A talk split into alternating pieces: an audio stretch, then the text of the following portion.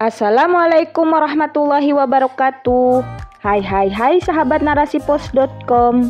Kembali lagi di podcast Narasi Pos Media bersama saya Sarah dalam rubrik Motivasi narasipos.com. Cerdas dalam literasi media, bijak menangkap peristiwa kunci. Menuju Cahaya oleh Teti Rostika. Sahabat, pernahkah terpikir di benak kita apa alasan yang paling kuat sehingga kita bahagia menjadi seorang manusia yang beragama Islam? Sudahkah kita mendalami agama yang sedang kita pegang itu? Sehingga saat kita sudah mengenal agama yang kita pegang, kita akan berjuang dan berkorban agar agama dalam dada ini tidak rusak dan roboh oleh perilaku yang kita buat. Menafakuri hal itu tentu sangat penting. Mencoba mengajak pikiran bertanya pada diri sendiri, kenapa saya beragama Islam? Apa agama Islam itu? Pentingkah kita beragama? Jika kita merenung sejenak, mencoba berpikir dan belajar untuk mengenali agama yang kita pegang, tentu kita akan bisa menjaga agama. Layaknya saat pertama kali memegang HP, jika kita hanya tahu fungsi HP untuk telepon dan SMS saja, tapi tidak tahu bagaimana cara mengoperasikan HP, tidak membaca buku panduan HP, sehingga tidak tahu hal apa saja yang akan membuat HP rusak dan hal apa saja yang akan menjaga keutuhan HP. Dijamin HP akan mudah rusak. Sama halnya dengan agama Islam. Jika kita hanya tahu bahwa agama Islam itu fungsinya untuk beribadah kepada Allah melalui sholat, zakat, puasa, dan naik haji saja, tanpa mengetahui hal-hal yang diwajibkan Allah di luar rukun Islam tersebut, dijamin agamanya akan rusak. Tidak sedikit seorang muslim meninggalkan sholat, bukan karena tidak tahu wajibnya sholat. Sesungguhnya dia tahu dan sadar bahwa sholat wajib, tapi tetap ditinggalkan, terasa berat mengerjakan sholat.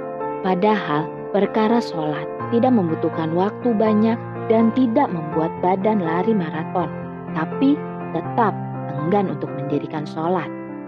Masih banyak muslim yang berani meninggalkan puasa di bulan Ramadan, bahkan secara terang-terangan makan dan minum di tempat umum tanpa rasa malu dan merasa berdosa. Padahal mereka tahu puasa itu wajib, tapi enggan melaksanakan. Masih banyak muslim tidak menutup aurat, terasa gerah dan ribet jika memakai kerudung. Kalaupun kerudungan, hanya mengikuti tren saja, tanpa diikuti dengan ilmu. Akhirnya, kerudung lepas lagi. Berkerudung pun hanya sebatas keluar rumah saat berpergian saja.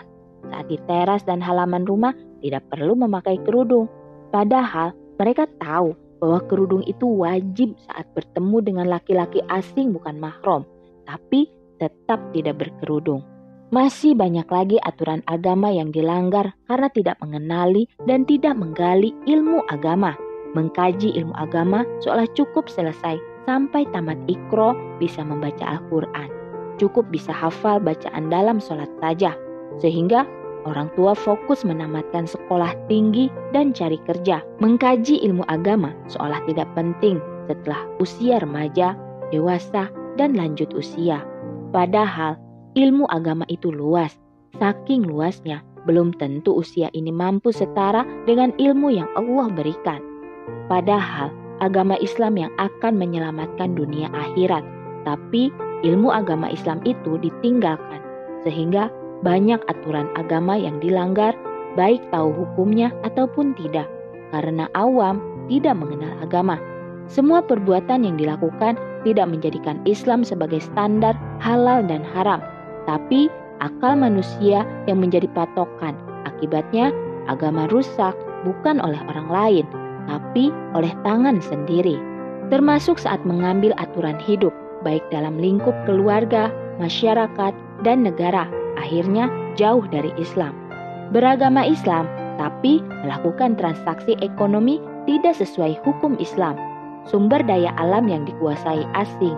Padahal sumber daya alam adalah milik umat yang harus dikelola oleh negara untuk kesejahteraan rakyatnya.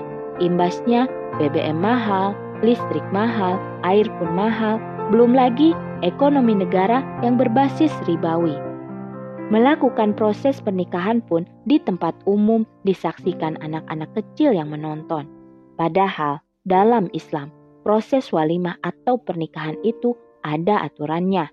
Salah satunya adalah pengantin tidak tabaruj dan tamu undangan dipisah antara laki-laki dan perempuan. Ada lagi kasus kerusakan sosial karena tidak memahami agama Islam. Akhirnya, banyak remaja melakukan perzinahan atau seks bebas, berpacaran bahkan mendapat izin orang tua.